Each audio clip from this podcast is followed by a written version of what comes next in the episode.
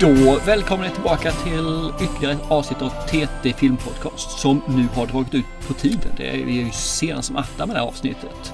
Och det beror ju på att min poddkollega här har mått som en säl som har ätit surströmming utan turen från eh, burken.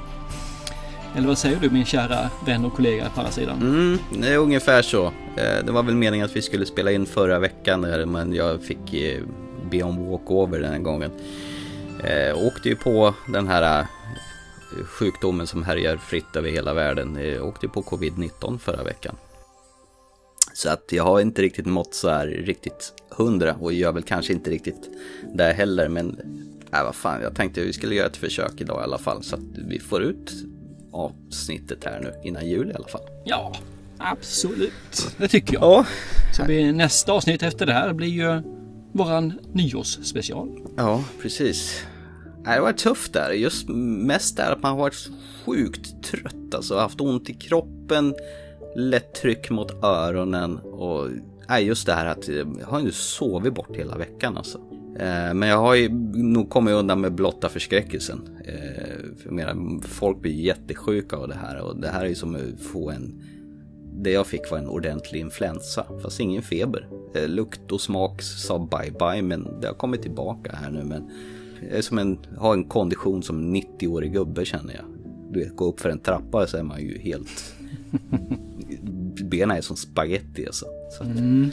ja, ja, jag kan tänka mig det. Jag, jag, kan inte relatera till covid men man vet ju bara när man har haft en riktig influensa liksom hur, eh, hur, hur kroppen bara svarar att han har tömt ut allt. Det finns ingen energi överhuvudtaget. Nej. Inte. Men vi sitter ju i alla fall och spelar in på ett coronasäkrat avstånd i och med att vi sitter på olika ställen. Ja, två kilometer lär vi räknas som coronasäkert. Men det här är ju vårt julavsnitt egentligen då ju. Eftersom det är sista ja. för året. Ja, absolut. Det brukar ju vara fullt med julstämning men jag, jag känner väl att jag har väl kommit av mig lite av den känslan i år. ja, den inte komma tillbaka liksom. Det är mer än en vecka kvar här. Så att, eh. Du, eh, en liten sak som jag skulle bara vilja ta här. Jag, jag tänker på det här när verkligheten nästan blir likadan som filmen om man säger så. Mm. Verkligheten slår nästan filmens värld. För ett tag sedan, om jag säger så, ja, kan det vara? Två veckor sedan. Så dök det upp en notis i tidningen, eller artikel i tidningen. Om en 41-årig man som hittades undernärd och varit instängd 28 år i sin lägenhet hos sin mamma. Så hon har varit instängd i 28 år och han hittades då av, eh, om det var henne, eh, mammans syster eller nära släkting i alla fall. Och han hittade så var han smutsig, han hade massa sår på kroppen, han låg på en filt. Hon var sjuk då mamman så hon åkte in på sjukhus och därför han då, hon åkte dit. Och enda ljuset han hade var liksom från gatlampan. Och hans tänder var helt ruttna liksom, det var eh, ingenting. Och då tänkte jag bara, hmm, det här har gjorts film på. Men jag undrar om det gjorts film på det här brutala sättet. Det kändes lite grann som, eh, vad heter det, man tog in lite Seven-vibbar i det här samtidigt som eh, man hade de här jag ska hålla dig inlåst filmerna. Sen kom det fram lite mer information efteråt. Men jag tänkte om man, om man stannar här, bara precis, pang, det jag berättade nu. Så kan man ju gå vidare om man tar det här som en film istället.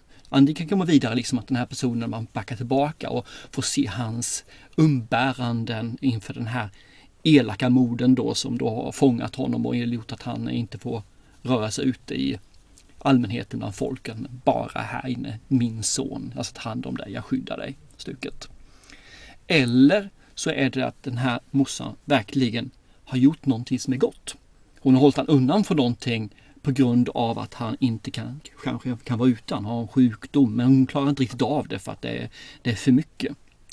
Så man kan göra det här liksom till olika filmer men jag tycker ändå att själva storyn som är här känns som att det skulle kunna vara film eller verklighet. Om man läser det här runt om igen så skulle man det skulle vara svårt att gissa vilket som vilket. Jag skulle nog gissa på film ska jag känna vad så den här notisen rakt upp och ner. Eh, vad heter det, har man fått någon förklaring av eh, morsan varför han, hon har hållit honom inlåst? Förklaringen är den att han har sjukdom, han har en tillstånd som inte är, som hon, hon har vårdnaden. Så hon har plockat bort honom från skolan när han var yngre för att jag vet inte riktigt varför i detaljer, men det gjordes i alla fall och det gjordes i samråd med faktiskt myndigheter.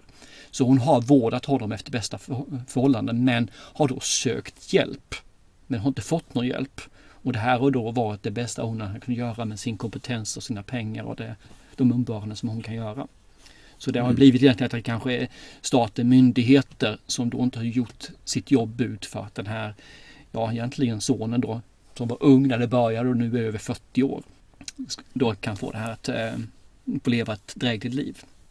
Inte? Ja. Och, och det är ju också en, del på det hela som sagt var. Så jag tycker det är intressant när man just ser de här artiklarna som verkligen skulle kunna vara fiction men då är verklighet istället. Ja, det låter ju som ett eh, gruvligt kammarspel här med typ två skådespelare i en film. Ja, det skulle kunna vara också, absolut. Ja. Eller så är det här början på filmen. Ja. Så det är inte kammarspel utan nu får man de rättsliga processerna eller någon sån här saker då, som man har runt omkring.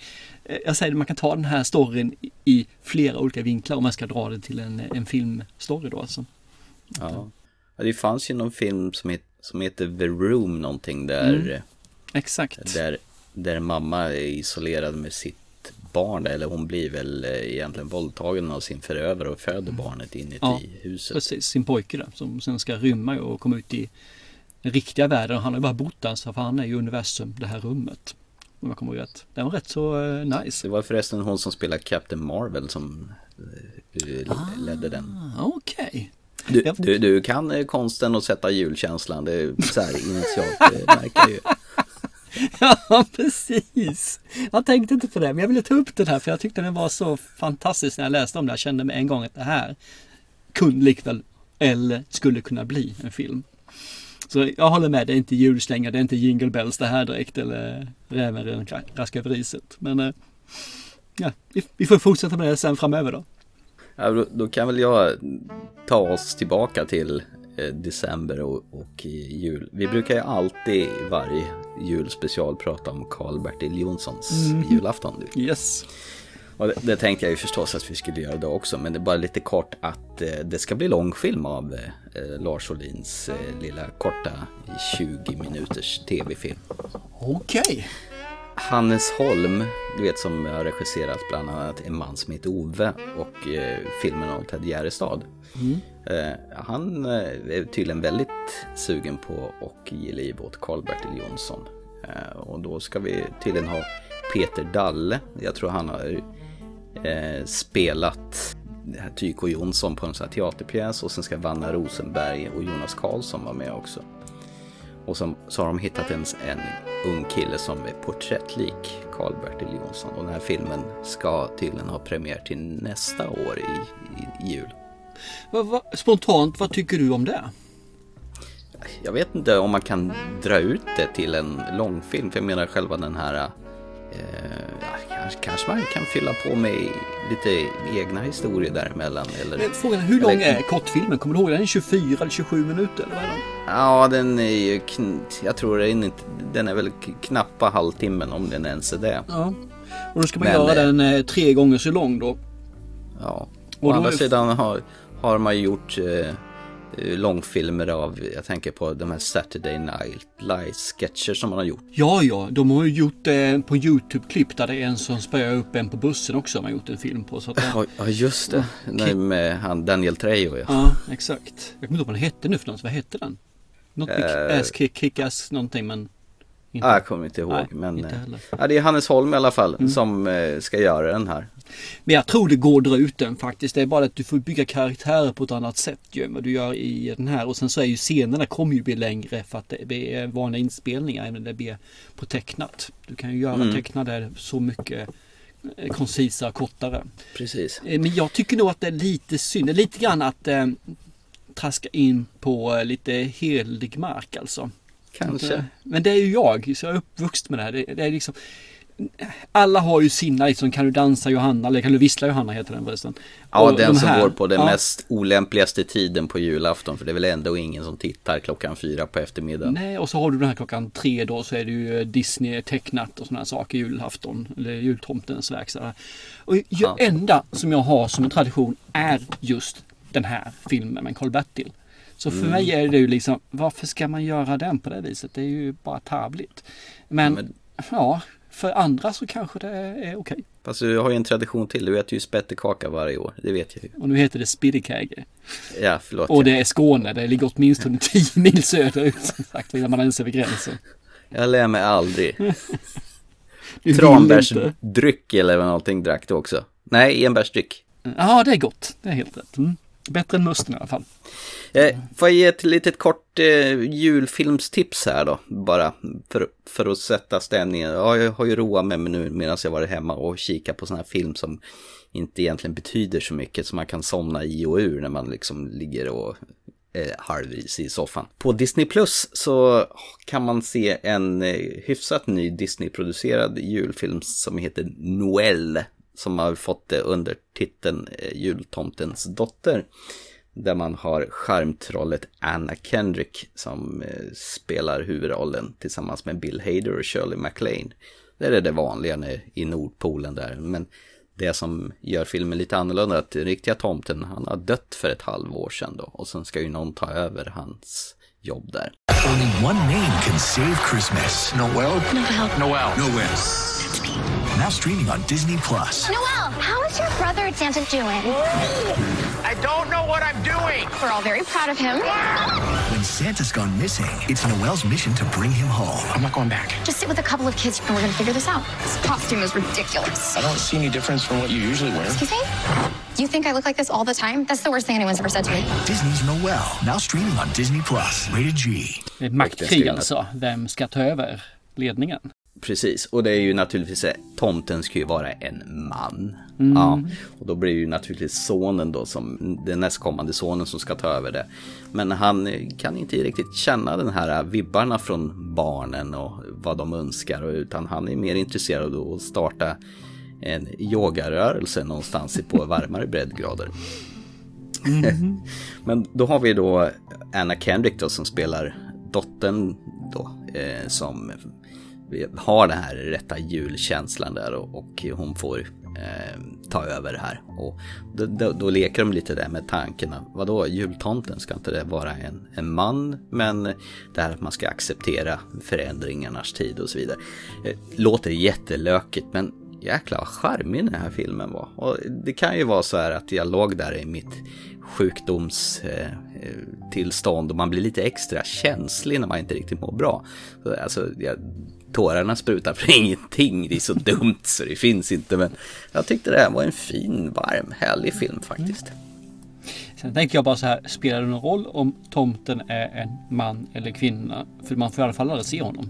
Eh, nej, men så är det ju. Och det är väl lite där också att hon, hon ska ju smyga ner genom skorstenarna och ja, man kan ju tro att filmen däremot är sponsrad av Apple för det pratas om iPads genom hela filmen ett x antal gånger. Att alla önskar sig en iPad. Så någon form av produktplacering lär ju ha varit i den här filmen. Säkert, säkert. Mm. Men eh, jag kan rekommendera den om man bara ska se. Det finns ju så sjukt mycket julfilmer som sprutas ut nu mm. vid det här tillfället. Allt från oh, de gamla klassikerna till Ensam hemma och eh, vad heter det, Päron till farsa och eh, Ja, jag såg på Netflix så finns ju även Tomten far till alla barn men den heter den In Bed With Santa.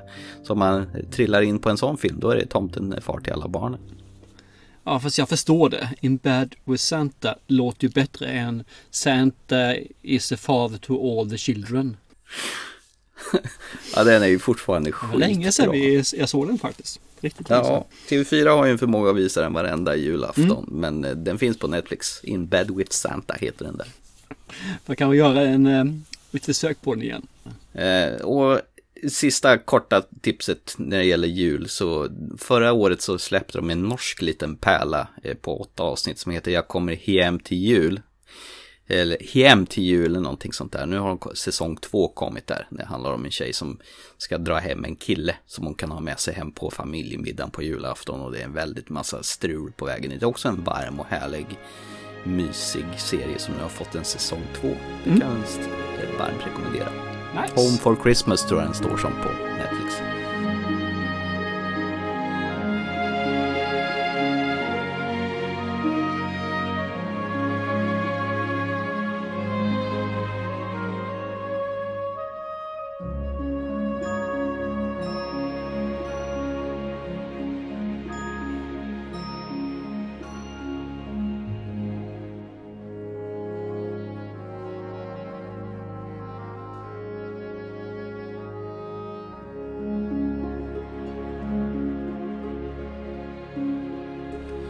Det var det. Nu kan vi, vi kanske lämna det här Juleriet. Precis.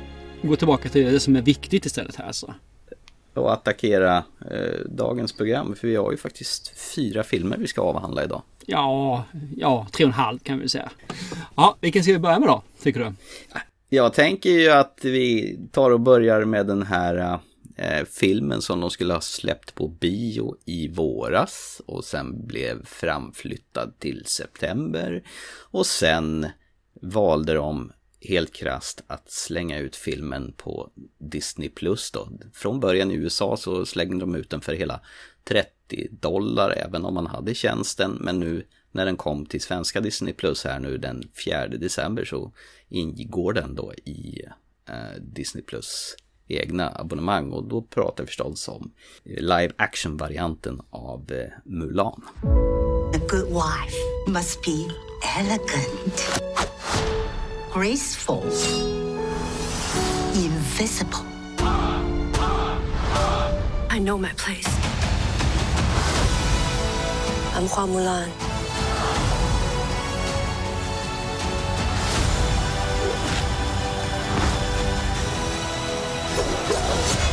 I will bring honor to us all. Disney's Mulan, rated PG 13. Get tickets now. Har, har du sett den animerade versionen av Mulan och sådär? Eh, jag har varken sett ettan eller tvåan där faktiskt. Då kan jag väl dra lite plotten vad, vad som eh, filmen går ut på. Det handlar ju då om Mulan och hennes syster då som lever i en by. Det är någonstans i Kina då. Eh, Det är viktigt att upprätthålla heden mot familjen och du vet kvinnor ska ju fostras till att bli osynliga fruar och eh, som ska behaga sina män då. Sen eh, Mulan har ju Mulan ska hon heta då. Och Hon har en stark chi, alltså en inre styrka där som hon tvingas förtränga av hennes far. Hon ber henne att glömma bort det där för att det, det, det är liksom inte en kvinnas plats att bli krigare utan hon ska vara hemma och städa och laga mat. Och... Men hade hon verkligen en syster förresten, Mulan, i eh, de här tecknade? Jag kommer faktiskt inte ihåg. Eh, hon har en mindre lilla syster i den här i alla fall. Eh, eh, men sen blir det någon attack mot den kinesiska dynastin där en svart elak armé är på väg att störta kejsaren. Och, vilket gör att eh, Mulan tvingas öppna dörren till sin krigarsjäl och sitt chi. Och i varje familj så måste man skicka en krigsduglig son som måste ta plats i den kejserliga armén.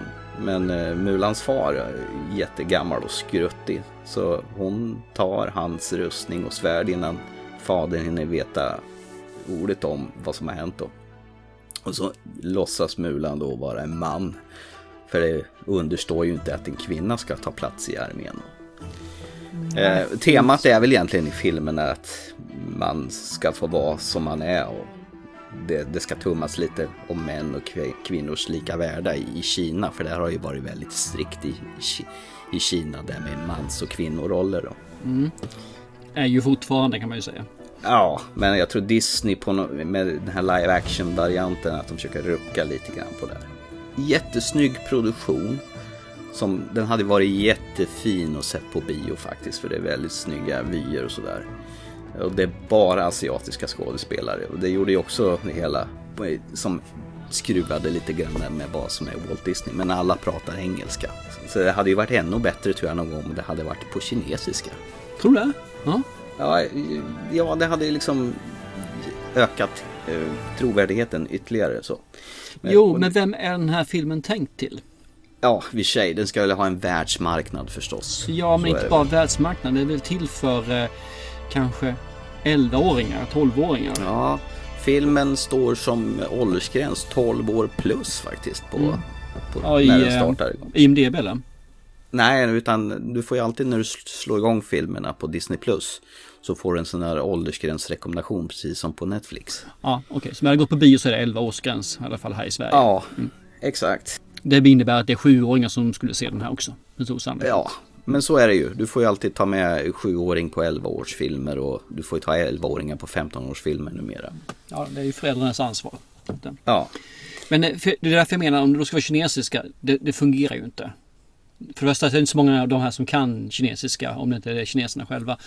Och ska du sen läsa engelska eller svenska eller vilket språk du än är så är det ju inte många 11-åringar som skulle hänga med. Så där tycker jag det, jag förstår det här liksom att de gör på det viset. Det gör också att det blir lite konstigt att det är kineser som pratar på engelska med, med vet, en sån här brytning då. Det blir lite stelt faktiskt. Eh, det blir inte så här, dialogen blir inte så här mjuk och följsam utan det blir läst, lästa repliker. Okej, nästan. okej. Mm. Men fighting-scenerna är ju väldigt snyggt koreograferade och, och folk de håller på att springa längs väggar och näst, rör sig nästan, du vet så här tyngdlöst, lite crouching tiger, hidden dragon-aktigt. Men är den, är den filmad på samma sätt som Crouching Tiger, Hidden Dragon eller är den eh, mer västerländsk? Nej, den känns mer så här kinesisk. Mm, Eh, okej. Den biten känns så. Är den, finns det lite det svarta som finns i uh, Crouching Dag- Dragon? Nej, nej, inte så, utan det Så här en, är... en matinéfilm med alltså? Ja, det här är snyggt och polerat. Och det är väl det som är filmens stora problem. Att det är just snyggt och polerat. Ma- Man får en sån här fågel Fenix som rör sig i himlen som är någon slags beskyddande ande till Mulan. Och man har en trollkvinna som su- supportar ledaren till den här mörka armén. Och som kan ta skepnader, bland annat en falk. Visst, det är jättesnyggt. Inledningsvis så trycker de på tre värdegrunder med den här filmen. Det är heder, trofasthet och ärlighet. Det är det de håller på mantra när de håller på att drilla sin armén då för att kunna slåss mot det här svarta hotet där. Men det är ju det som, problemet är att den är inte så ärlig den här filmen utan det är bara en snygg produkt. Jag känner liksom ingenting när jag ser den här. Hon, okej. hon krigar sig fram, Mulan, och hennes manliga motspelare är stela och påklistrade. Och sen ska det bli någon slags systerskap mellan henne och den här häxan då, att de är samma skrot. Men det blir bara stelt. Det känns som kulisser och snygga fasader. Känslan uteblir. Okej. Den är välproserad, men vad hjälper det när inte hjärtat finns där? Jag, jag kommer ihåg den här tecknade filmen som man såg för hundra år sedan. Man var väl kanske mottaglig på ett helt annat sätt då. Men den gjorde någonting med en i alla fall. Det här är bara en snygg producerad produktion av Disney som, det är yta, ingenting mer. Tyvärr. Ja, nej men alltså, min son såg den här också. Han tyckte den var jättebra. Så att det, det kan ju vara så att jag fortfarande inte är målgruppen här. Men jag tänker lite sådär att det är ju, miljöerna är assnygga och man kan ju tänka sig att temat är ju rätt så fint ändå så här. Men i slutändan är det bara en produkt från Disney. Och det är lite tråkigt. Men han tyckte den var fin. Ja. Jag, vet inte, men eh, jag håller nog inte med dig där. Jag tycker den här är helt okej faktiskt. Alltså du har sett Det- filmen också? Det är klart jag har sett den. okej. Ja, ja, okej. Jag skaffade eh, Disney Plus enbart för att jag skulle se den här filmen till vi pratade om den. Okej. Eh, nu har jag vad du tyckte om den, men jag tycker den har, har lite god stämning i sig. Och det här med lästa repliker, ja jag håller med, vissa har det. Men ser man de här som är huvudaktörerna så tycker jag de fungerar alldeles utmärkt. En kvinnliga, vad heter det, eh, hjälten där som är, eh, som är Mulan. Vad heter hon för någonting? Ja. Ji Fei Liu eller vad hon heter för någonting. Ja, nej jag har inte liksom försökt ge mig på vad, vad skådisarna heter ens. Hon tycker jag pratar jättebra engelska alltså. Och hennes eh, manliga counterpart i armén pratar också jättebra engelska tycker jag. Så jag tycker inte det är något konstigt. Och de valde ju henne just för att det var det här. För hon skulle kunna engelska. Hon skulle kunna tilltala en, eh, en västerländsk publik. Och sen skulle det här då kunna bli fler filmer framöver. Det var också tanken ju. Men eh, jag, jag håller med i vissa fall där liksom att eh, det är, det är mycket hoppande och deras koreografi. Sen samtidigt så tycker jag det är en light-version på koreografin som används i de här gamla eh, fina filmerna då som är Frozen Tiger, Hidden Dragon. Och de, alla de här Flying Daggers och sådana saker där de verkligen eh, har vacker koreografi. Ibland till mm, kanske något steg för högt om man säger så. Sceneriet som säger det är jättefint alltså. De har verkligen gjort det. Som du säger, det är ver- verkligen inte smutsigt någonstans. Men det tror jag inte man kan göra den här typen av film heller. Det enda som är smutsigt är väl hennes ansikte lite grann där. Ja, och att hon aldrig duschar eller hon är själv skitig som fan. De påpekar ju det rätt mycket. När ska du duscha? Och sen så tycker jag väl att eh, eh, det skulle vara svårt att ta henne för en kille med, med tanke på det utseendet hon har alltså. Men det finns kanske väldigt feminina killar där också. Men jag förstår varför man tar henne för hon ska ju vara en söt tjej som når ut genom duken på, allt, på alla sätt och vis. Och då kan man kanske inte ta en som har eh, brett käkben och lite mustasch. Visst är de duktiga på att springa upp för väggar i den här filmen? Oh ja, absolut. Eh, sen så tycker jag väl att filmen är ju väldigt förutsägbar i alla led. Alltså man kan i stort sett tala om vad som händer. Men då är ju inte jag grupp, målgruppen heller, utan det är ju, målgruppen är ju 11 år plus minus något år. Vilket innebär ju att de har inte sett lika mycket film som vi har gjort. Så jag, jag tror att den här filmen om man hade gått på bio hade gjort en slam dunk. Nu är det väl, eh, nu vet man ju inte riktigt hur den går. Initiellt nu så har ju inte dragit in så mycket pengar som den skulle kunna gjort. Men man får kanske titta lite grann på också hur många nedladdningar kommer det här få många gånger tittar man på den. Och det är ju inte Mm. förrän egentligen om kanske, ja, tre månader framåt som jag tror man kan få svar på det egentligen. Innan de börjar få upp en riktig tittarbas och så här. Så att vi får se om det kommer en tvåa eller inte. De har ju teasat om lite grann att det, är, det kan komma en tvåa om den här då faller väl ut. Ja, det är väl ganska öppet slut vilket fall som helst. Men ju alltid de här filmerna uppe i slut tycker jag om att det verkligen vill bara göra en film. Men det är ju tvåan som oftast är det billigare att göra och eh, genererar ju garanterat med pengar. Ja, vad tyckte du om den kvinnliga skurken då? Hon som håller på att förvandlas till eh, en eh, hök och hon som är vit under ögonen och sådär. Ja, jag tycker hon är helt okej. Och Det som jag tycker är kul är ju att hon är ganska tydlig redan från början. Att hon är ju inte egentligen ond. Hon är inte god. Hon är ingenting. Hon är en krigare och hon vill bli accepterad för den krigare hon är. Men kvinnor kan inte vara krigare och därför blir hon utstött. Och nu har hon då allierat sig med en person för att han kan ge henne den här eh, crediten att hon kan vara den hon egentligen är menad att vara. Den här krigarkvinnan då. Så att hon är ju inte på hans sida, hon är på sin egen sida och det tycker jag är ganska skönt. Att hon inte är den här hängsmännen som är liksom, ja, som i Bondfilmerna, som står liksom eh, lojal på sidan bara för att. Utan hon är där för sin egen skull. Det tycker jag är rätt nice. Sen så tycker jag väl att ser man som Mulan i det här fallet och hon, hennes interagerande. Ja, det tillhör sagan så jag köper det. Men Mulan är ju ingen mästerkrigare egentligen. Jag tycker det känns som att hon gör samma moves hela tiden. Och det tycker jag är lite synd. Att det, man inte kan bredda ut det och få hennes resa eh, att bli en bättre och större och starkare krigare. Utan nu är, går de lite grann och så helt plötsligt så är det krig och sen så ja, är det klart. Ja, visst kändes det lite forcerat att man hade kunnat ha tryckt ut den här filmen så att den, kunde, den kunde ha varit lite längre va? Jag tror det. Den är två timmar lång. Och Jag tror nog att man kunde plocka bort lite grann av början av filmen. Men jag tror den början behövs för Kina-marknaden, tyvärr. Att hon jagar en höna genom hela sitt Ja, hem. och visa upp liksom att eh, familjen är viktig och allt det här då liksom. Det måste man göra. Att hon ska gifta sig med den här mannen och hon ska bete sig på ett visst sätt. Den delen tror jag man hade kunnat snabba på egentligen för min del. Och så lägger man på då en eh, kvart kanske på filmen. Och så kan man få, få lite grann till. Då får man 20 minuter till av hennes eh, färd och mognad om man säger. Men eh, jag tycker filmen var underhållande. Jag tyckte faktiskt den var rätt nice. Eh, Men jag gick in med det att det här var en matiné. Och gör man det så har man andra förväntningar på film. Och jag tror det är därför man köpte den. Hade jag velat se en, eh, en riktig film, för jag hade gärna velat se att den här var lite mörkare. För jag tycker om de här mörka kinesiska filmerna. Så Men då hade det nog inte varit en Disney-produktion. Nej, precis. Och det, men jag saknade det för jag hade tyckt att den här historien hade passat så jäkla bra och var lite mörkare.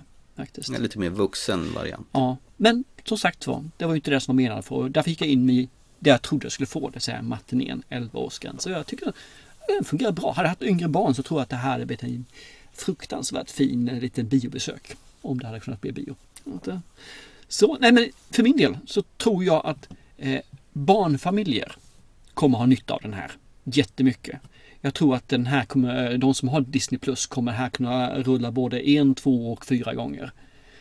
Och jag tror att eh, de vuxna kan sitta med och tycka den är helt okej att glo på samtidigt som man käkar lite tacos eller vad nu man ska göra för någonting eller till fredagsmyset.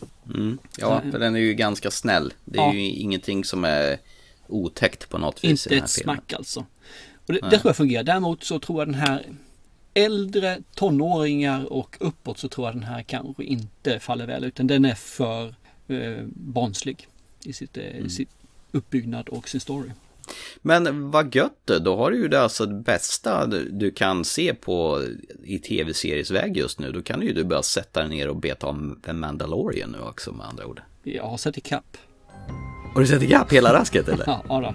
Vi är på det sista avsnittet. Eller klart nästan. Det är sista avsnittet kvar ju. Ja, nu är jag ju skitnyfiken, vad tycker du då? Ja, det är skit. Va? Skämtar du med mig? Eh, vi ska säga så här. Första, första avsnittet är ju skithäftigt alltså. Det tycker jag. Ja. Eh, jag tror andra avsnittet är också jättebra. Sen så blir det repetitivt. Och det är sånt här som jag inte trodde det skulle vara. Att det är avslutande. 30 minuters avsnitt, avslutande. Och jag känner bara att, jaha, nu bara trampa vatten. Och jag, är- det, vissa avsnitt är det så kulissaktigt. Det är så eh, dåligt gjort. Och andra avsnitt är det jättebra story och jättebra skådespelare och hur man bygger upp miljöerna. Du har ju den här avsnittet när de ska rädda någon i det här eh, fängelset, fängelseskeppet. Ja, ja den skit- Kurgan är med från Highlander. Ja, det är ju så dåligt så det finns ju inte. Sen så går man in på säsong två och helt plötsligt börjar vi göra längre avsnitt. Då är man uppe på en timme något avsnitt och den andra ligger på 40, eh, 45 minuter. Ja, de blir längre i säsong två. Ja, absolut. och man har en, en story som hakar i avsnitt för avsnitt. Och det, då tycker jag att den här växer. Det gör den Jag alltså. kan säga, det sista avsnittet som gick i fredags, det var ju sjukt jävla bra. Det är bra. Det är, det. det är jättemycket känsla som du har sagt tidigare från de här gamla Star Wars-filmerna. Det finns det. Eh, dock blir jag... Jag, jag, kan inte, jag vill inte säga mer för mycket för då spoilar jag kanske för de som inte har sett så här långt. Men, men det finns ibland att man vill lägga till för mycket för de gamla filmerna i den här serien. Som inte riktigt passar in. Är Nej, med det på jag menar? Ja, Okej, nej du De, köper bland, inte. de blandar ju till och med in såna här Clone Wars och eh, den här Star Wars Rebels också från Mm. de animerade serierna. Japp. Eh, och eh, jag kan ju säga min, min son, han sitter ju och studsar upp och ner som en studsboll när det, saker och ting händer och det smittar av sig. Något jävligt kan jag Ja, säga. men det kan jag tänka mig. Det är nog därför du tycker att det är ett eller två snäpp bättre än vad jag gör kanske. Och det är ju hundra resor bättre än de här superdåliga tre, tre sista Star Wars-filmerna som kom. Så att det, det här är ju tillbaka till Episod 4, 5, 6 magi tycker jag. Jag tycker det är underbart. Jag såg faktiskt och- om dem bara nu här i veckan. Du gjorde det? 4, 5, Okej. 6. Jag såg dem på mer eller mindre löpande band. De är jävligt bra fortfarande. Eh, Sista filmen är så där i slutet får man ju säga när Ewokerna börjar och komma in då känner man bara ah, Ja, jo men det är töntigt. Mhm. Absolut. Då såg du att Robert Rodriguez regisserade till ett av avsnitten här Jag har faktiskt inte slutet här. tittat på det. Jag hoppar över allt sånt där så jag har inte sett det faktiskt. Men jag, hör, jag såg det på din, din inlägg på Facebook så det. Det är ju asmysigt att se när varje avsnitt är slut man ser de här tecknade storyboardsen från avsnitten som har varit där. Det är ju ascoolt ju. Oj, nej, det, det här är ju ja, det, är ju fantastiskt. Det är ju, och det bästa är ju att det kommer ju en säsong tre också för det är ju bara ett enda avsnitt kvar nu av säsong två. Jo, det finns det redan på, eh, på IMDB. Har redan aviserat det.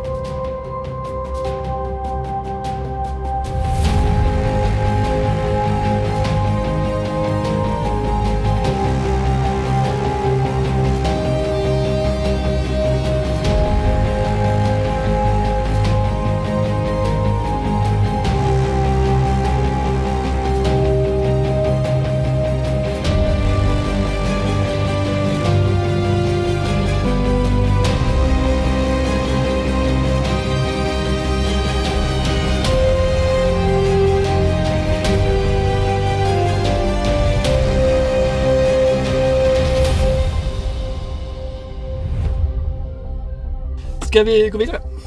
Ja, vi kan gå vidare. Eh, från en eh, kinesisk producerad film av Disney till, eh, ja, vad, är, vad, vad ska vi ta nu? Ja, ska vi titta lite grann på eh, elektronikens fader tänkte jag säga, men Tesla. Kan vi göra. Och det är inte bilen Tesla vi pratar om, utan det är, som du sa, elektronikens fader. Uppfinnaren Tesla, han som gjorde, alla känner till, Tesla-spolen som ingen egentligen kunnat eh, duplicera. Exakt. Han som eh, slogs mot Edison med vad som ska gälla, likström eller växelström. May I introduce the brilliant Nikola Tesla, the greatest inventor of the age. If you Google Nikola Tesla, you get 34 million results. It's basically just four pictures. Beyond that, things get murky and more imaginative. Thomas Alva Edison. Got a light? Oh, Tesla. Didn't see you there before. I now have the pleasure of introducing you to a novel system of energy, alternate currents. This will transform the way the world works. No, sparks. It's perfect. Where have you been hiding? Alternating current is a waste of time. Impractical and deadly. You live in your head. Doesn't everyone? You lack funding. Mr. Tesla thinks I owe him money. What was it, $50,000? Yes. Anne Morgan, daughter of J. Pierpont Morgan. Ja, och ett jäkla krig om detta likväxelströmmandet. Ja, visst alltså, helt klart. En högaktuell film från 2020 då med Ethan Hawke i titelrollen som Nikolao Tesla. Och det man kan säga här, man får väl egentligen ett... Eh, man börjar filmen egentligen när han jobbar hos eh, Edison här då för att ta, ta fram de här generatorerna och vad det nu är för någonting de håller på med där då. För att bygga upp hans imperium med eh, likströmsgeneratorer och maskiner och vad det nu är för någonting som sagt var. Han håller dock inte med honom. Han menar ju på liksom att det, det finns ett annat sätt att göra på som är bättre. Så han presenterar det här ju för Edison. Edison menar på nej, nej, nej, nej. Växelström är inget att satsa på. Det är farligt, det är oförutsägbart, det är jobbigt. Nej, nej, det går inte. Så han gör ju denna rätta. Han säger upp sig och eh, hankar väl sig fram lite grann på allehanda jobb. Ströjobb egentligen. Tills han stöter på någon som kan introducera han till folk som har lite pengar där han då visar upp sin idé på en växelströmsmotor. Och det som är, för er som inte kan det här, en växelströmsmotor finns det många fördelar. Det finns färre delar, det är inga borstar som finns där som slits och det gnistrar inte utan det här är, man använder bara elektromagnetiskt då, som gör att de roterar runt med eh, växlingen av eh, strömmen. Det vill säga då spolar eh, Ja, jag ska inte gå så djupt in i det. Det blev ett Ja, jag väldigt kände sådär. nu blir det djupt här så jag tänkte det hoppar vi över. Det är färre delar, det är mindre, vad heter det, fysisk belastning på dem man säger. Så det är mycket enklare och mycket mer tillförlitlig och effektivare också för den delen i sin eh, uppbyggnad. Och så de börjar ju driva fram det här. Och där har man då kampen mellan likström växelström. Och några av de här sakerna som dök upp är ju givetvis när eh, de försöker påvisa att växelström är mycket farligare. Så gör man ju det genom att man ska ta död på en person med växelström. En eh, dödsdömd person ska dö med ström istället för att man använder jag vet inte vad man det snarare man hängde dem kanske förut va? eller sköt dem. Något sånt där. Och eh, jag, jag vet också hur den slutar så ni som ser filmen och inte vet hur det är kan ju få se det i den här filmen. Och efter det får man följa hans liv egentligen framåt som en blandning av en spelfilm, dokumentär, någonstans ja, däremellan kan man väl säga. Ja, det är ett väldans hopkok av den här filmen. Det kan man ju säga absolut. Och det är då som du sa tidigare Ethan Hawke som eh, är då huvudrollsinnehavaren och då som eh, Nikolaj Tesla. Och så har du Agent Cooper som Thomas Edison. Eller förlåt, Mm. Kyle MacLachlan heter han ju. Yes. Gråhårig här i och för sig, av förklarliga skäl. Så vad, vad tyckte du om filmen, upplägget? För den här, den här är ju en annorlunda film får man ju säga. Den är lite, nästan lite meta i sig själv får man säga.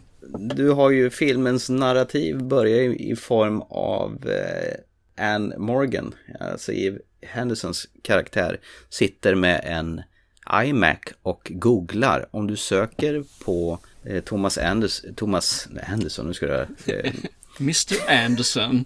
Mr Anderson, Thomas Edison så får du si och så miljoner träffar på Google. Mm. Men om du söker Nikola Tesla så får du bara så här antal. Mm. Eh, Men vänta nu, här är helt plötsligt så kastas vi ur illusionen där. Mm. Och sen berättar hon när de börjar kriga med varandra. De står och äter glass, konglass eller mjukglass och börjar kladda varandra i ansiktet. Nej, så där gick det ju inte riktigt till.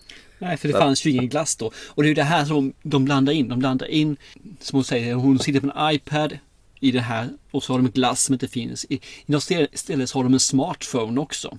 Och så är det något tre- tredje ställe eller fjärde ställe där de har en musik som de spelar som är väldigt modern. Ja, och dessutom så Ethan Hawks eh, Nikola Tesla tar upp en mikrofon och gör en karaokeversion av Tears for Fears Everybody Wants to Rule the World. Welcome to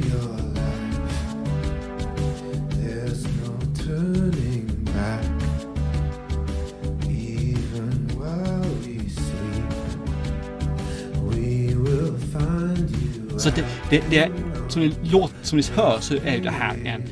De, de gör en Based on a True Story-aktigt. För man vet inte så mycket om Nikola Tesla egentligen. Men man vet lite grann om honom och det bygger man in. Och så bygger man in lite faktabasering på det här då vid sidan om. Och sen så gör man utstick som är väldigt eh, konstiga i andra fall. Du får ju väldigt som här dokumentära inslag ibland, mm. man får säga tidningsurklipp och en berättarröst som mm. väldigt så här, konkret går tillbaka nästan som det är en dokumentär. Eh, och, och, i andra fall så kastas du in, den spretar väldigt åt en massa olika håll den här filmen. Det är lite likhet med hur man byggde upp Mareld faktiskt. Du menar att det är en film i film i film? Ja, precis. I det här fallet så blandar man väldigt mycket olika typer av film och ibland pratar man direkt till dig som åskådare. Man bryter den fjärde mm. väggen. Och ibland mm. så är det en vanlig spelfilm. Och i tredje fallet sen då så, så säger du, då har man en karaoke-filmatisering. Eller så gör man mm. någonting som inte stämmer med verkligheten. Och så får man backa tillbaka. Att nej, så här blev det ju kanske inte. Eller. Och det som du säger spretar och det, man vet inte riktigt vad man ska få runt hörnet. Tydligen så var Nikola Tesla en väldigt introvert person eh, som inte var spe speciellt social. Eh, jag vet inte om det ska spegla av sig på Ethan Hawks eh, agerande. För jag tycker han gör en väldigt sån här glåmig och väldigt dämpad porträtt av Tesla. Jo, och, men det säger de ju i filmen också liksom. Att eh, du är inte bekväm i den här situationen men ändå så ska du möta mina ögon. Så man har ögonkontakten. Så att han, han är ju en väldigt... Han är inte bekväm i andras, andra människors eh, närvaro. Men, och sen säger han själv att han lever väldigt mycket av sitt liv i sitt huvud. Han, han tänker väldigt mycket. Det är det som han mm. lever sitt liv genom egentligen. Att han filosoferar, han tänker, han uppfinner, han eh, löser problem. Mm. Och det gör man ju inte när det finns folk runt omkring som ska prata och störa och åka rullskridskor hela tiden. Nej, alltså normalt sett så brukar jag gå igång på sånt här när, när det skjuts åt alla möjliga håll. Du hade ju till exempel den här eh, livet med David Copperfields betraktelser och så. Den är ju i och för sig inte mer dokumentärt om en verklig person, det är ju en, en fiction-person, men den spretar ju också åt alla håll. Eh, lite sådär kulissfilm. Vilket det här också kan vara, en film i en film i en film. Men jag vet inte, jag, jag tycker den här gick på sömfart. Det, det ska slå gnister om själva hans eh, växelströmsmotor och så vidare. Men jag tycker den här filmen inte gör det. Jag, jag tycker på riktigt att den här var tråkig. Jag tyckte den var rätt så uppfriskande för den drev väldigt mycket med sig själv kan man säga. Eller jag ska inte säga drev är fel ord men ta det som ibland när de står och gör någonting så ser man att det är kulisser. Och det är verkligen mm. dåliga kulisser. Fina kulisser mm. men dåliga om man säger. Så man, ser, så man ser direkt att det här är kulisser. Budgeten den här filmen är ju extremt låg. Jag vet inte om det var 5 eller 9 miljoner han hade eller något sånt där. Mm, ja, det, det, kan jag tänka mig. Att den kanske inte kostade så mycket att göra. Litet konstverk i sig själv och därför har jag ju löst det här med att göra på de här sätten. Och jag tyckte det var kul men jag är ju också en, jag, jag tycker om Tesla. Jag mm. tycker om historien om Tesla. Jag tycker om att jag fick lära mig lite grann till. Och hur han tänkte och hur han gjorde och vilka visioner han hade. Och att faktiskt många av hans patent användes i andra lösningar. Sen hade han ju visioner om att göra det här så grandiost. Han ville ju ha liksom att man skulle kunna kommunicera med andra sidan jorden. Han ville att man genom det här föra ström bort till de mest otillgängliga ställena eh, via jorden eller via luften då, så att man skulle kunna ge alla ström billigt. Mm. Medan folk sa, nej men jag vill bara kunna kommunicera över Atlanten här så att jag kan få stock, eller säga aktiekurserna. Ja, ja, okej, okay. mm. men han tänkte liksom mer. Han hade visioner. Sen lyckades han med vissa och misslyckades då med vissa om man säger så. Och jag tycker om det här med faktiskt hur man kastas in och man bryter filmen. För du, som du säger, den är väldigt långsam bitvis. Men då bryter man av det med någonting annat där som gör att man, man kastas ur och det finns en annan vinkling på den.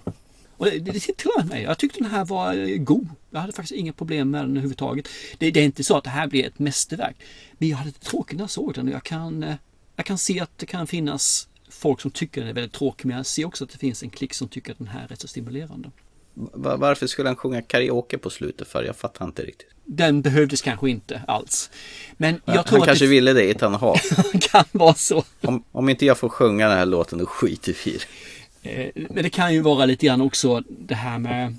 Ja, det finns vissa anspelningar på att kanske det här är att man har levt via Tesla. Det är alltså i hans huvud. Filmen utspelar sig i hans huvud. Och då kan ju det här karaoken vara ett drömscenario-ish-aktigt. Jag vet inte. Men jag håller med, den, den behövdes inte där. Men den, jag tyckte bättre om den här karaoke-sången än vad de hade, vad hette den filmen för någonstans? De som satt i bilen där hela dagen. Ja, ja, ja. I'm thinking of ending this world. Precis. Eller I think of ending things. L- lite sn- snarlik i så fall då kanske. Om du tänker på att det hände... Oj, det var ingenting förresten. Oj, oj, oj. Nu var jag ute på djupt vatten där. Om Jag man inte har sett den. Mm, Jag märkte det. Nej men där finns ju också en karaoke, eller inte karaoke men en sångscen. Men eh, nej, jag tyckte den var helt okej. Men, men man får ju vara öppen för en film som är udda, annorlunda och tar nya grepp. Och ja, jag tror att den ska tilltala folk. Men jag tror att det är enklare om du verkligen tycker om den här gamla uppfinnaren som löste så mycket av våra självklarheter idag. De här gamla uppfinnarna, de är jättefascinerande tycker jag. Så det gör kanske att den här stiger både en och två skalor i, i min bok då. Det, det finns en annan film där Tesla figurerar som jag hellre faktiskt tittar på. The Prestige, antar jag. Ja, det David Bowie porträtterar Tesla. Ja. Den filmen är ju fantastisk. Men eh, du vill alltså se en Tesla-film som där Tesla är med då tre minuter? Ja, men han är ju med eller? Ja, nej men absolut. Ah. Nej, men det, det, det är, jag förstår varför du inte tycker om filmen. Jag förstår varför folk som inte tycker om den inte gör det. Men jag tror att det finns en grupp av människor som verkligen har nytta av det här. Men du behöver tycka om lite annorlunda filmer. Och du behöver nog kunna skifta eh, vikt på foten under filmens gång om man säger så. Så att du kan följa med i de olika vinklarna och vrårna som det kommer i. Nej, jag Ja, tyckte om ja. den. Jag, jag tyckte den var mysig faktiskt. En gullig film som du skulle ha uttryckt det. Ja, nästan. Fast det ska det vara lite mer, lite mer blodig om den ska vara gullig. Ja, nej, jag är inte alls med på din linje här, tyvärr faktiskt. Det var, det gav mig inte så mycket. Den var spretig och konstig och jag tyckte det var alldeles för tråkigt. Eh, jag tyckte det roligaste det var ju när de kletade glass i ansiktet på varandra.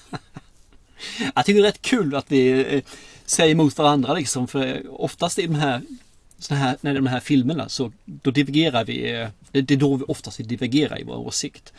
Och ena dagen tycker den ena att det här är bra för att det är udda, spretigt och det hoppar och det blir här. Och andra dagen så tycker den andra att det är bra och den andra dåligt. Så ibland så undrar man om det är lite grann eh, våran eh, dagsform. Förutom när det är riktigt dåliga filmer när jag tycker det då alltså, för då är det dåliga filmer.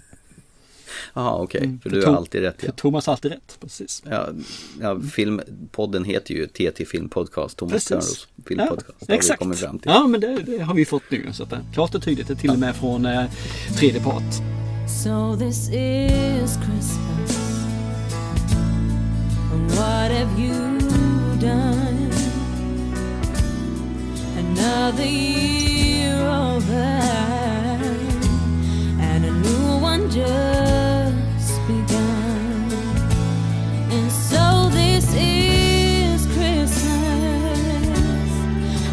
hope you have fun. The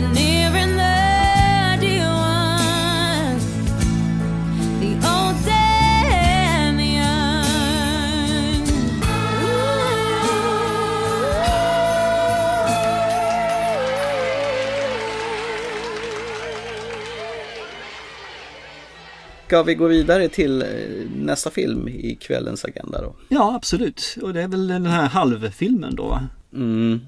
Hur menar du då, halvfilmen? Du har sett den, men inte jag. Ja, just det. Så är det ju faktiskt. Eh, det verkar inte som du var så intresserad av det här. Eh, jag skickade till dig i veckan här att du, David Finchers nya film har kommit ut. Svartvit film om eh, 30-40-talets eh, ålder i Hollywood. Är det någonting du ville se? Nej, kom du tillbaka då?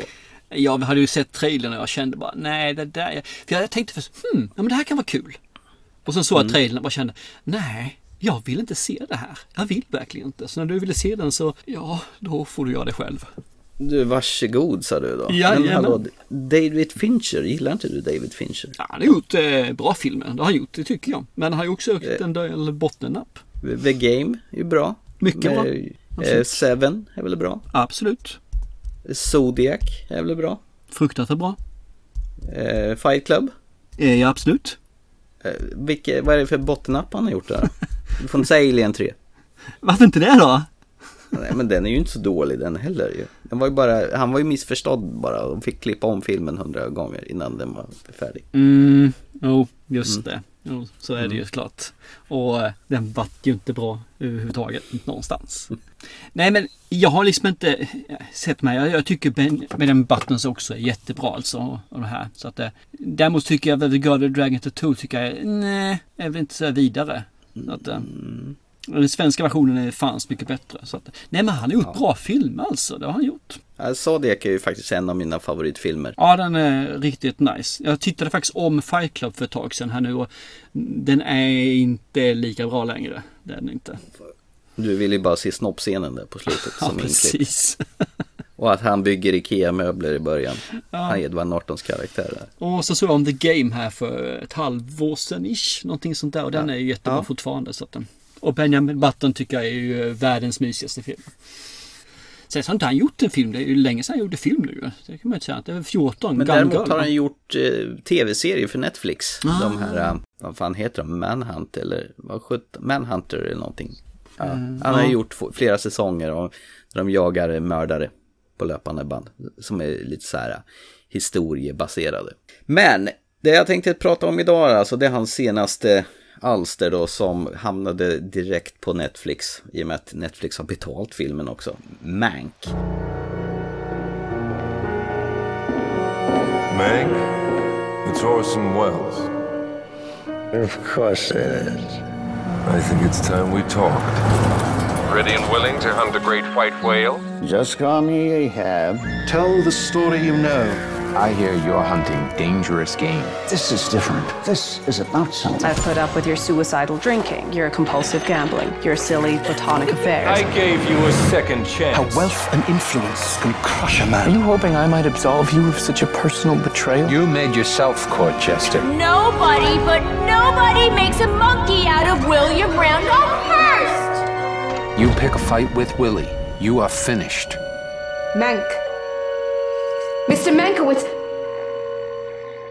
Det är alltså handlar om 30-talets Hollywood. Det är historien om Herman Mankiewicz som skrev manuset till Citizen Kane åt filmbolaget RKO Pictures. Han var den här bakgrundsfiguren som stod i skuggan av manusförfattaren och regissören Orson Welles. Du vet han som gjorde Procession, filmen. Mm. Alla tänker ju på Orson Welles när man hör Citizen Kane. Eh, och i filmen så är det Gary Oldman som spelar Mank, som han kallas bland sina vänner då. Man möter honom på 40-talet. Han ligger i en sjuksäng efter att han har råkat ut för en bilolycka då, med gipsat ben. Och då har han blivit placerad på en ranch och han har en snabbskrivande sekreterare som ska skriva ner när Mank skiter ut sig manuset på 90 dagar. Men sen har vi den här Orson Welles då som har anlitat Mank som har placerat honom på ranchen. Han vill ju visa sin makt och kapar de här 90 dagarna till 60 dagar för att sätta lite press på Mank för han vet ju att det är så han jobbar bäst. Och Orson Welles är medveten om Manks alkoholmissbruk och han har placerat en trälår med sprit i andra änden av rummet som man ska få lite motivation. Han berättar om ranchen har nolltolerans av alkohol så det är en morot för att Mank ska fokusera på sitt manusarbete och bli klar så fort som möjligt. Och sen varvat med det här manusarbetet från sjuksängen så kastas man ju tillbaka i tillbakablickar där det här Mank rör sig bland filmfolket i Hollywoods guldålder på filmstudiornas bakgårdar då. Och det är det som har inspirerat honom till att göra det här manuset. Man får sådana här skrivmaskinsknatter som beskriver vad vi är och vilken tid på dygnet och beskriver vilken scen som vi ska få se.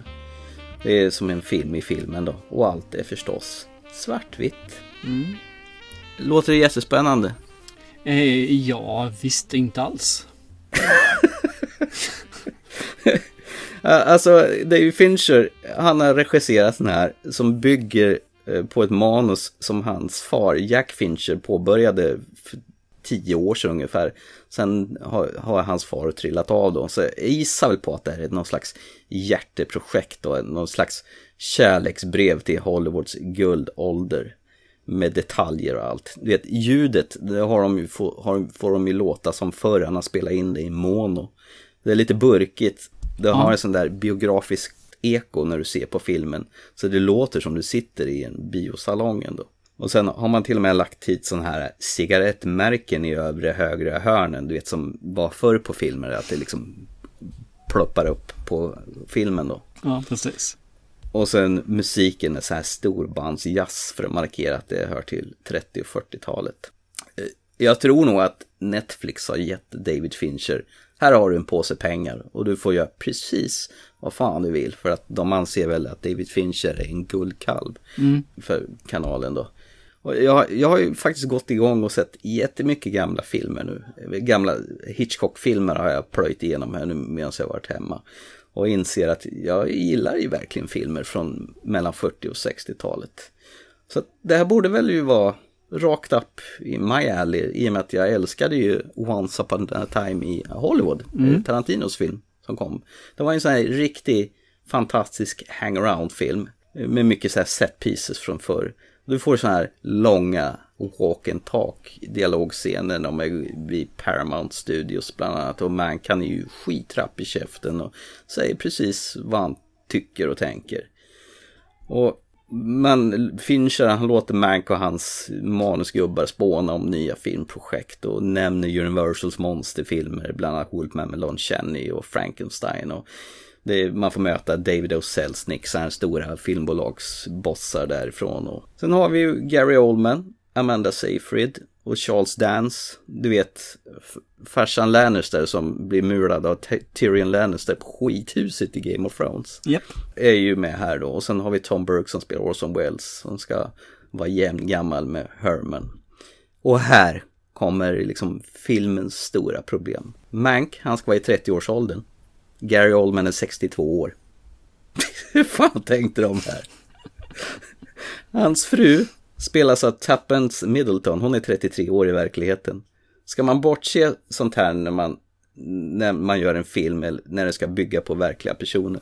Eh, Det beror på tror jag om en person i fråga har vad den har för utseende. Sen så är ju det, jag tycker utseendet, att det ska vara porträttlikt, spelar ingen roll för mig egentligen. Nej, jag är, jag är, jag är motståndare i- generellt. Så, det är jag. Ja, jag, jag tänker ju på eh, den här uh, The Irishman. Där, Ja. eh, där de har digitalt uh, föryngrat Robert De Niro och Al Pacino. De Men det är en annan sak egentligen tycker jag.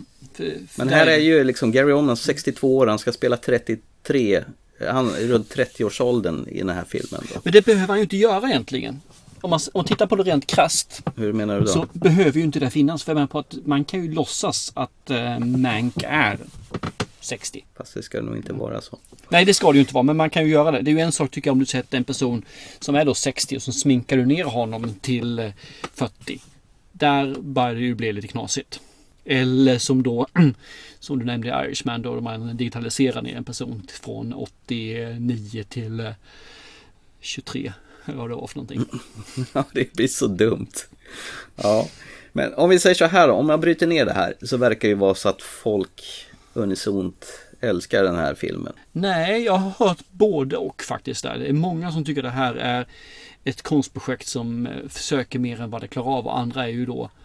Om vi säger så här, de jag har hört tycker att den här filmen är jättebra tycker oftast att Ja. Citizen Kane är jättebra. Jag, jag har inte sett Citizen Kane så jag kan inte jämföra. Inte jag heller, Jag- men jag- det är de jag har hört i alla fall. Och de som inte tycker Ja. Citizen Kane är bra tycker inte den här är bra heller. Jag kan dra bara ett exempel. Jag prenumererar på tidningen Empire. Den är en sån här stor, en av världens största filmtidningar. De gav den fem stjärnor. Och, och sådana här äh, filmkritiker som eh, ska vara förståsigpåare. De hyllar ju Fincher, Oldman och Amanda Seyfried som är med i den här filmen.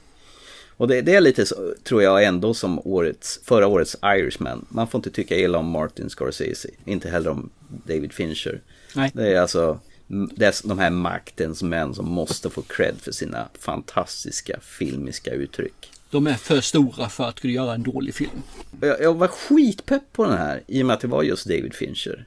Men hur gärna jag än ville tycka om det här så var det jättesvårt för mig att bara hänge mig.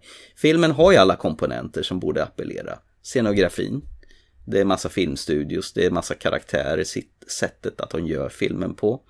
Men det var ju så hopplöst tråkigt.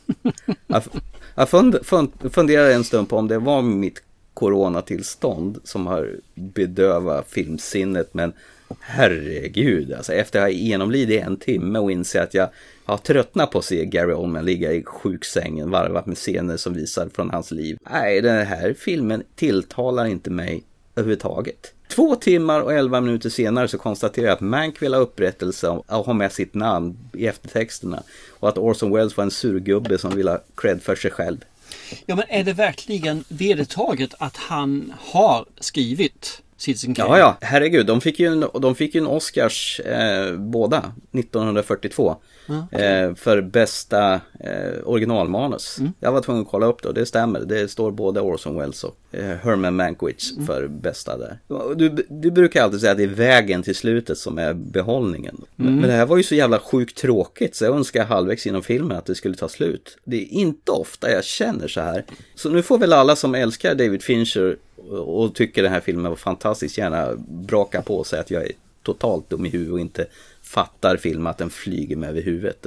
Jag tror nog om man ska se på de som gillar den här att man måste nog vara rätt så intresserad om films uppkomst och Hollywoods guldålder och uppskatta den här sortens film. Jag tror du behöver vara en lite filmvetare. Inte en som tittar på film utan en filmvetare.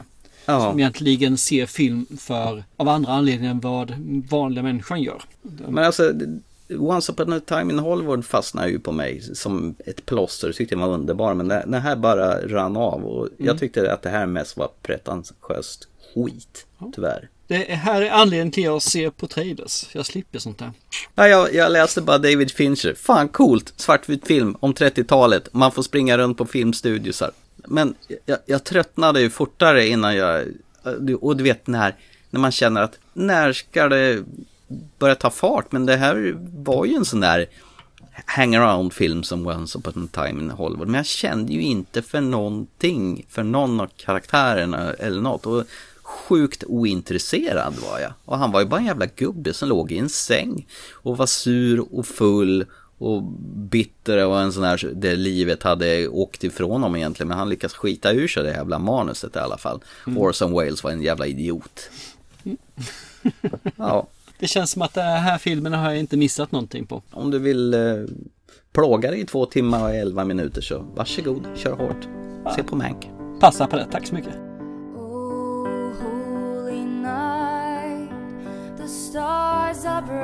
holy By his cradle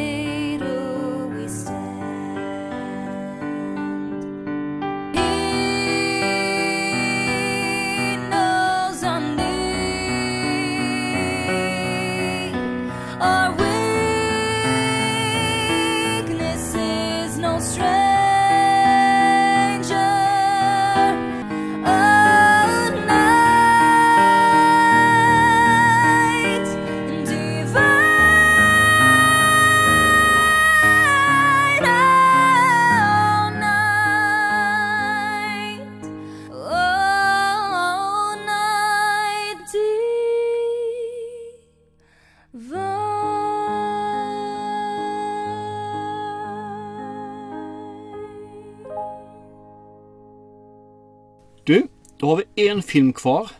Och hittills har du 100% Nej, det här är skitfilm. nej."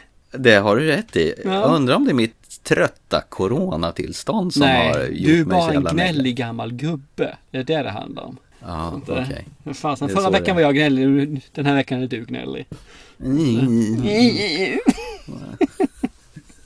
Och vad är det, det sista då vi ska såga vid fotknölarna Ja, av? vi skulle egentligen sagt det här innan vi avslutade förra programmet ju för många, många veckor sedan. Mm. Att vi har ju eh, filmer från förr. Ja, men du får ju dra introt där förresten. Eh, Vi har ett segment som heter Filmer från förr som vi nu ser med äldre ögon. Den här gången har vi kommit fram till Rosens namn. Within these walls, men come to seek God. He has come to seek a killer. We found the body horribly mutilated under a window which was uh, which was found closed. Somebody told you. A man of reason in a world of blind faith. Yes, small blood here. You mean that he committed suicide? Elementary. And a crime that could not be suppressed. Ink stains. He did not write with his tongue, I presume. I don't like this place. I find it most stimulating. I am most curious to see the library for myself. May I do so? No. One final murder has been planned. Master! Master? How do we get out? With some difficulty. And it's his. Sean Connery. F. Murray Abraham. The name of the rose. A story of unholy murder. Ja, och varför heter den Rosens namn? Vet du det? Nej, det vet jag inte. Nej. Faktiskt inte. Jag, jag tänkte det, det måste jag få reda på i filmen, men det fick man nog inte som jag lade märke i alla fall. Men vilken tur att jag har tagit reda på varför filmen heter Ro- Rosens Ah, namn. okej. Men innan du säger det. Anledningen till att vi valde den här filmen var ju för att vi hade ju ett eh, litet avsnitt med just Sean Connery där vi alla rosade den här filmen. Så då tänkte vi, vilken film är inte bättre än att ta då i det här segmentet om inte den här? Mm. Nu får du gärna säga, varför heter den Rosens namn? Det är ju en italienare som har skrivit den här boken som heter Umberto Eco. Och 1980 så kom han ut med sin roman El nome della rosa. Man eh, kan ju undra varför filmen och boken heter så, för de nämner ju aldrig någon ros överhuvudtaget i den här filmen. Mm. Men rosen är en symbolfigur som är så mångtydlig att den nästan inte har någon innebörd. Och då tycker själva författaren att det var positivt eftersom han inte ville att bokens namn skulle styra läsaren i en viss riktning. Ah, okej. Så att med rubriken så betyder det ingenting, för det betyder allt. Ah, då är jag med på det. Det var rätt så underfundigt. Det var underfundigt. Så att, eh, Ja, eller hur? jag har ju läst lite böcker om eh, Eco Umberto så att, eh, jag tycker han är en bra författare. Där- Däremot har jag inte läst den här boken. Så jag inte gjort. Men han gör ganska mycket om just det här med religion och sådana saker. Den bok som jag anser man ska läsa tycker jag det är ju Foucaults pendel. Den är riktigt nice. Den är li- nästan lite grann Da Vinci-koden-aktig men bättre. Det känns lite grann som han är ju inne på det här mycket deckarspåret va? Ja, eh, deckare och lite mysterium. Ja, men det, han är en bra författare. Eh, lite tung, men bra. Jättebra. Om vi ska göra som vi brukar göra, hur länge sedan var du såg den här filmen innan du satte tänderna i den nu igen då? 35 år sedan.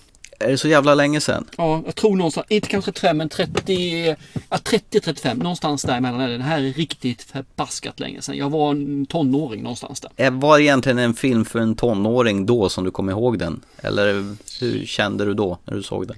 Eh, jag tyckte den då att den här var jättebra. Jag, jag Mm. älskar den. Jag tyckte om, som jag kommer ihåg den då, om man säger så, från den tiden, så tyckte jag om eh, Sean Connery som var den här lysande eh, detektiven kan man ju säga egentligen. Han var ju Sherlock Holmes. Och Ja, så- och det roliga är att han heter ju William of Baskerville. Mm, precis. Det är ju en hyllning till Baskervilles hund, efternamnet. Ja, exakt. Och sen så Ja. har vi då hans eh, lärling där ju som man också tycker är riktigan eh, Christian Slater då ju. Som jag tycker är, han är ju den som är, vad ska man säga? Han är narrativet till filmen. Ja, det, det är ju precis det alltid som kretsar kring honom egentligen. Så det gör, samtidigt så är han ju den här vetgirige som ska lära sig. Han är, han är Robin i Batman-filmerna. Det- Så att han försöker lära upp Alltså honom. mjölk. Mjölk? Ja, han heter ju Adso Von Melk. of Melk. Ja, just det. Och sen kommer jag ihåg den här kärlekshistorien då som fanns mellan Christian Slater och den här eh, tjejen. Och det här som gick då. Däremot har jag glömt på väldigt mycket annat ska jag erkänna. Men det var det som jag kommer ihåg eh, från när jag såg den först. Jag tyckte om eh, vad heter storyn. Eh, det här mysteriet. Ja, Jag kommer ihåg att han låg med den här fattiga tjejen gjorde han. Och Mm. någonstans i bakhuvudet hade jag fått för mig att han fick klamydia av henne också. Ja, jag hade också det. Så att, eh, Men så var det ju inte. nej, nej. Det är bara någonting man har hittat på då. Ja, eller så såg vi eh, Directors Cut. Där eh, Christian Slater får klamydia i 15 års ålder. Nej, det var det jag kommer ihåg från den filmen. Eh, Jag hade jättebra vibbar efter jag sett den. Själv då? Vad, vad hade du för någonting? Jag vet, jag hyrde ju den här på eh, som vanligt. Man hade ju den lokala videoaffären runt hörnet där man kunde hyra fyra filmer för 50 spänn. Mm. Och så var det här en av dem. Att Sean Connery var på omslaget var väl kanske dragplåstret där. Ah, okej. Och jag tror nog inte minsann jag visste vem Christian Slater var då. Nej, det gjorde inte jag heller. Det visste jag inte. Och sen var det, var det lite kittlande där att det var i en sån här, i ett kloster i norra Italien och att det började trillade av munkar på ganska bestialiska vis. Nästan lite Seven-aktigt. Ja, fast det, det kommer inte jag ihåg faktiskt. Och sen att eh, den här puckelryggen där, som var med då. Eh, som spelas av Ron Perlman har jag insett nu här. Salvatore! Eh, Salvatore, han som pratar sju språk flytande samtidigt. Precis, eller inget språk ibland. Nej, jag visste inte att det var han, han då, men eh, de har ju fulat till honom något jävelskt till Ja, den här filmen. Jag har bra jävla länge velat se om den här. Det var sjukt länge sedan jag såg den här, men jag hade en bra känsla och det var, det var faktiskt ett sant nöje att se om den. Ah, okej, okej. Ja. Men då får du komma in och så får du börja och säga vad du tyckte om filmen när du såg om den. Om det, hur den, vad den gav för känsla för dig den här gången då. Från, Ja. jämfört med den unga Thomas Hellberg. Jag kan väl bara dra lite kort vad, vad det handlar om då. Ah, det, är kan du få göra, absolut. Ja, det är väl William of Baskerville. Han är väl någon slags... Eh, han är munk som är skickad till det här klostret i år 1327 i norra Italien där en av munkarna nyligen har avlidit på ett mystiskt sätt. Fallit ner från en högt torn. Han är väl egentligen där för en debatt va? Mellan hans orden och eh, katolikerna.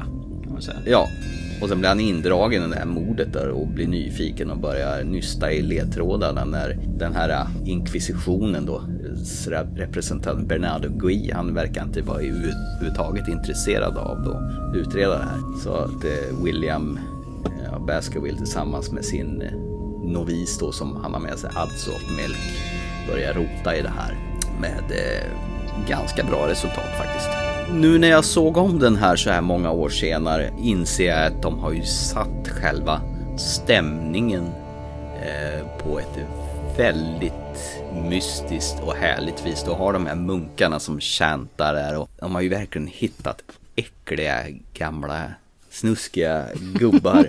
och bland annat, du har ju den här Bondskurken från Moonraker är ju med där. Mm. Och det, det som slog mig när de hälsar på varandra, att de slätar av varandra på munnen. Ja, en ges varandra en puss där liksom. Mm. Och sen eh, Sean Connery är ju alltid Sean Connery och han, är, han känns ju som en sån här undersökande Sherlock Holmes här. Och med rätta. Christian Slater är ju sjukt ung i den här filmen. Det är ju också fantastiskt. Och, och det här att de börjar gå i de här kloster, klostret och vill rota rätt på det här hemliga biblioteket som ingen vill släppa in dem. Och det börjar dö munkar en efter en. Alla har blivit är svarta på fingrarna och är, har typ svart bläck i munnen. Och det är ett mysterium som är så gott som den känslan och miljön som de sätter i den här filmen. Jag tycker den är ju fantastisk tilltalande. Även fast filmen är gjord från på 80-talet så står sig den fruktansvärt bra nu. Och just det här med labyrinten och, som är mot slutet av filmen, det hade jag totalt glömt bort faktiskt. Mm. Och Salvatore, alltså Ron Perlmans rollfigur, han, han är ju så äcklig så det finns inte i den här filmen som den här puckel. Hade jag totalt glömt bort ju att han ens var med. Den här stora feminina prästen där som är som en eh, vit blek i ansiktet som verkar gilla eh, småpojkar är ju skitäcklig också. Ja, visst fick man lite pedovarningar från han rätt så tidigt. Ja, även fast det liksom inte uttrycks helt rakt ut. Mm. Från början så, så hintar de ju väldigt där. om att han är pedofil där. Ja. Själv då? Ja, jag håller med. Jag fick den här. Men början av filmen är väldigt långsam. På gränsen till tråkig. Tycker du det? Ja, det tycker jag faktiskt. Eh, Jag hade inte minne av att den var på det viset. Så jag, jag kände liksom att okej, okay, den här har nog blivit gammal och jag har nog vuxit ifrån den. Men Mm. när filmen börjar komma igång så är man inne i den ganska kvickt. Mm. Och jag känner att den är, storyn är bra. Det man känner däremot är ju skådespeleriet är ju jättedåligt. Det, jag menar, Sean, Sean Connery är ju en av de få som fortfarande har ett skådespeleri. Och Christian Slater också. Så har man några munkarna som är riktigt bra alltså. Men det är ju hur många som helst där som eh, man har plockat ifrån gatan känns det som. Eller så är det dåtidens sätt att agera som var fruktansvärt eh, syltigt och klyschigt. Jag vet inte. Man, man ser förbi det efter ett tag. Jag tycker att den håller. Däremot så får jag säga det att eh, den här kärleks... Eh, sagan, om man säger så, i delen där som finns mellan Slate och den här unga tjejen. Den är ju ingen kärlekssaga. Den, jag, när jag kommer ihåg och tänker tillbaka så var det liksom en, en riktig, det var en stor del av filmen. Men det är ju en bidel, alltså, och det menar jag liksom en blindtarm. Det är bara någonting man, eh, tjopp, glatt. Ja, och grejen är väl egentligen att hon förför väl egentligen honom så att Och han är väl inte det sen att tacka ja, men Nej, det är som Sean Connerys eh, rollfigur säger, du blandar ihop lust och eh, kärlek. Så att det är nog Mm. bara lust du känner. ja, precis. Och det är gott som nog när man är 20 år eller 15 eller hur Den, gammal ska vara. den scenen var förresten improviserad. Hon skådisen som eh, han får eh, rumla runt, Mm. ja som han rumlar runt i sänghalmen med. Eh, han visste inte riktigt vad hon skulle göra med dem utan han visste Nähä. bara om att de skulle inte ha kläder på sig. Och så att hon, hon, hon fick trolla med honom lite grann där för att han skulle känna så oerfaren det bara Mm. gick. Ah, Och det, okej. det syns faktiskt i scenen också och han var ju faktiskt bara som sagt 15 år när de spelade in den där scenen. Och hon är väl den enda tjejen i hela filmen va? Ja, det är väl det. En gubbig film med andra ord. En väldigt gubbig film. Sen så ska jag säga, jag kommer inte ihåg hur den här slutar. Jag kommer inte ihåg någonting av själva mysteriet i detalj. Det var Men- väl jättebra va? Ja, fast man listar ut det ganska kvickt då. Eh, tyvärr, och det, det, men det är ju återigen, det här är då 1986. Det har hänt eh, många filmer sedan dess. Så att, nej men jag, jag tycker fortfarande, och jag tror att eh, faktiskt att det finns en viss appellering tror jag bland de yngre att se den här också. Jag tror att den skulle gå hem. För den, den är rätt så, ja, lite underfundig i vissa eh, segment. Sen så tror jag den skulle må bra av att faktiskt få en remake. Men du, det finns faktiskt en remake på den här. Okej. Det är en form av en tv-serie från förra året. Jaha. Du vet våran eh, kompis John Turturro som spelar den här äckliga bowlingspelaren eh, Jesus, Ja. Jesus Rolls. Han gör den numera klassiska rollen som William. Jaha. Och sen är, är det någon som heter Damien Harding som spelar Adso. Okej, okej. Eh, och den utspelar sig i åtta avsnitt faktiskt, i timslånga avsnitt. Så då får de lite mera utrymme på Echoes roman där helt enkelt. Där ser man. Okej, har du sett den? Nej, jag har inte sett den, men jag snubblade över nu att det fanns en tv-serie som var gjord förra året. Mm. Som en sån här europeisk samproduktion mellan Italien och andra länder. Så jag blev sugen på att se den nu. Nice. Nej men bra film. Den, den är riktigt nice. När man väl eh, kom in i den så tycker den här höll mer än väl. Det var ju kul att se att man inte faktiskt blev besviken på den. Eh, dock så är den nog snäppet under i upplevelse än när jag såg den första gången. Är det så? Ja, det tror jag. Det är känslan är så i alla fall. Jag tyckte precis tvärtom. Jag tyckte allting förhöjdes här med, med de här äh, munksången och Mm. alltså de här skitiga miljöerna. Det var verkligen så här grisigt och geggigt. När de hittar till exempel en, en av de här som blir nedstoppad i en stor kittel där bara benen sticker upp till exempel. Och det klafsar på rätt så bra där. Mm. Eh, och just den här tafatta scenen då mellan Christian Slater och den här fattiga kvinnan där när de får till det där. Och han, han, han är ju verkligen så här oskyldigt naiv och oskuldsfull, Christian Slaters rollfigur. Medans som Sean Connery ofta säger, spelar en sån här faderlig gestalt där som lär ut eh, och jo- jobbar efter sina värderingar och den grekiska eh, tankar om Aristoteles och, och han ville ha rätt på den här försvunna boken där. De, har ju en lång skön dialog där att man inte får skratta. För Gud skrattar inte, men nej, apor skrattar inte och vi vet att de inte skrattar. Kanondialog i den här filmen faktiskt. Jag, jag tycker den här var fantastisk. Så att, jag tycker det var en fullträff. Jag älskar den här filmen. Jag ska, kan se om den ytterligare en gång faktiskt. Jag tycker den Okej, var skitbra. Nice, nice, nice. Härligt. Ska vi gå vidare? Eller har du mer att säga? Nej, jag, är- jag är rätt så nöjd så faktiskt. Jag, För i sådana fall så har vi faktiskt en sak kvar. Okej, vad är... Du ska ge mig ett uppdrag. Jag ska ge dig ett uppdrag. Shit. Mhm, Aha. mhm, mhm. Du, du tänkte så? Jag tänkte så. Och du har inte ens eh, tänkt på det? Nej, jag bara tänkte så här att det är ju nyårsspecial nästa program så att vi kunde få vila lite på det. Det du säger att du inte förberett dig, du har ingen aning vad du ska ge mig alltså. typ så. Fan vad jobbigt det här blev då. Men jag har en lista här någonstans. Men, men jag tyckte om ditt sätt att eh, verkligen, hur fan ska jag lösa det här? Jag, jag, jag, fan också, jag vet inte. Eller, ja, jo, vänta, vi gör så här.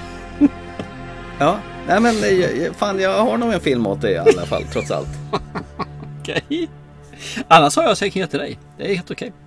Ja, ja, nej men för fan. Jag har, jag har ett uppdrag till dig men då får du liksom, det får ju, får du ju hålla på ända till nästa år. Ja, ja, men det är väl lugnt. Du har ju tid på mig. Om, om du ger mig två sekunder bara så ska jag...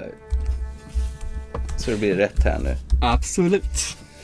En, två. Apropå, men jag säger det nu. Jag såg faktiskt en gammal klassiker här nu i, eh, igår tror jag det var. Okej. När Harry mötte Sally. Ja, är den fortfarande bra? Ja, det är den. Den är riktigt förbaskat mysig. Billy Crystal och Meg Ryan Ja. och den klassiska orgasmscenen på krogen. När, precis. hon, när han menar på att kvinnor inte kan fejka en orgasm. Mm -mm. Och eh, Katta tyckte den var jättekul, min eh, sambo här. Och jag tycker att ja, den, den är bra. Det är den. Absolut. Ja, ja, nu har jag gett två sekunder här. Ja, okej. Okej, jag såg en annan Eh. Meg Ryan-film som jag gjorde här också faktiskt. Den här du har fått e-post. Den är också riktigt mail. bra. Ja. Eh, då vill jag ge dig en dansk film. Det här är jag rätt säker på att okej. du inte har sett. Nej, dansfilm så har jag säkert inte gjort den. Jag vill att du ska se en film som heter på engelska Queen of Hearts eller Drottningen på eh, danska. Okej. Ett eh, familjedrama i Danmark. Eh, Det kan väl vara någonting att bita i va? Eh, är det den här som är från 2019 eller? Eh, ja. Ja, som är en remake från eh, 83. Eh, På den här jag novellen fan om som är, gjordes då eller? Eh, Den det har vet jag, jag faktiskt. har jag faktiskt sett. Har du sett den också? Ja. Nej. Nej, det har jag inte gjort. Var skojar med dig. Men det var kul. Sluta nu. Helt tyst på andra sidan. Va, vad ska jag göra nu? Jag har inget mer Ja. på listan. Eh, Jo, det, jag har flera. Men eh, hur låter det då? Queen of Hearts på engelska eller Queen- Drottningen på danska? Eh, Den kan vi se, absolut. Eller Hjärtedam på svenska tror jag det blev. Hjärtedam, jag heter den på svenska också till och med. Ja men den, eh, den ser jag på, absolut. Ja, med en av eh, Danmarks eh, stora skådespelerskor. Absolut. Det är en samproduktion mellan Sverige och Danmark så att det är både svensk tal och danskt bräkande i den här filmen. Ja, kul, jag har ju fattat lite tycke för danska filmer så varför inte? Det var ju den här eh, Kött och blod som vi såg sist, den var ju inte alls tokig. Den var helt okej den också, det får man ju säga. Mm. Och med helt okej så var den riktigt bra. Ja. Nice! Bara, bara en sak till här. Är det någon som har en film från förr som ni vill att vi ska se om så hör gärna av er till oss på eh, ttfilmpodcast.gmail.com så kan vi föra in den på listan och för vi in den ganska högt upp på listan. Mm. Så eh, kan vi ha det som eh. Och de som får med sin film som vanligt får lite belöning från mig här. Du är så snäll, du är som en riktig jultomte. Ja, absolut. Och gör ni snabbt nu efter det här kommer så kanske ni kan få den här lilla presenten till jul. Eller innan jul. Oj, du lovar mycket du. Ja, du litar kan- på Postnord att de eh, skickar i tid med Det var många kanske, eventuellt och möjligen där. Men jag ska göra mitt bästa i alla fall. Då så. Jag känner mig helt uttömd här nu. Ska vi önska alla en god jul och ett gott nytt år? Ja, det tycker Mm. jag verkligen vi ska göra och ni alla där ute, det kommer inte bli precis på samma vis som det brukar vara. Ska du åka ner till Småland i vanlig ordning eller stannar du på hemmaplan i år? Julafton blir hemma och sen så har jag eh, preliminärt sagt att jag ska åka ner någonting i mellandagarna. Men ser det ut som det gör idag så blir det inte det. Då blir jag hemma hela, allt hela rasket.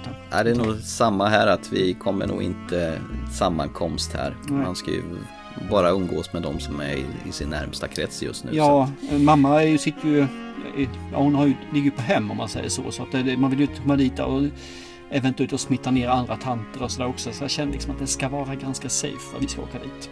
Det låter väl som en bra idé. Ja. Eh, ja, nej men eh, ni får väl alla där ute eh, ta hand om er och vara rädda om varann och vi får hoppas att den här eh, coronaskiten försvinner här vad det lider när Yes. vaccin och alltihopa är på gång här. Drick något gott, krama varandra och eh, ha en riktigt god jul. Chip, chip. So this is Christmas. And what have you done? Another year over, and a new one just begun. So this is Christmas. I hope you have fun.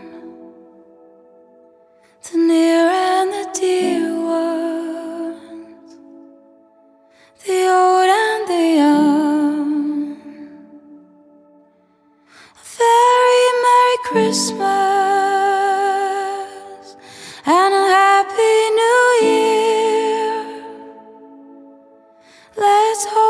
it's a good one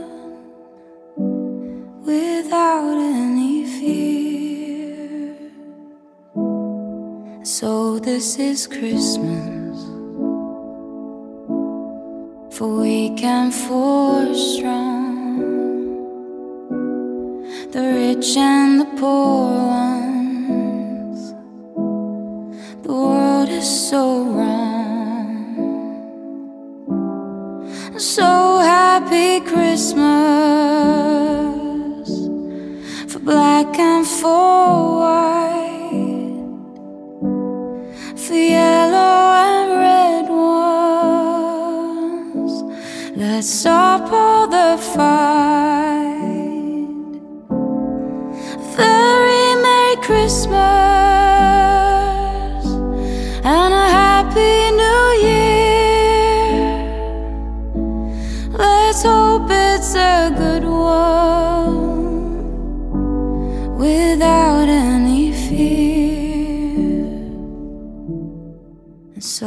this is Christmas. And what have we done? Another year over,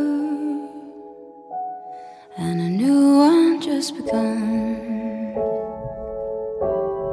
So happy Christmas. We hope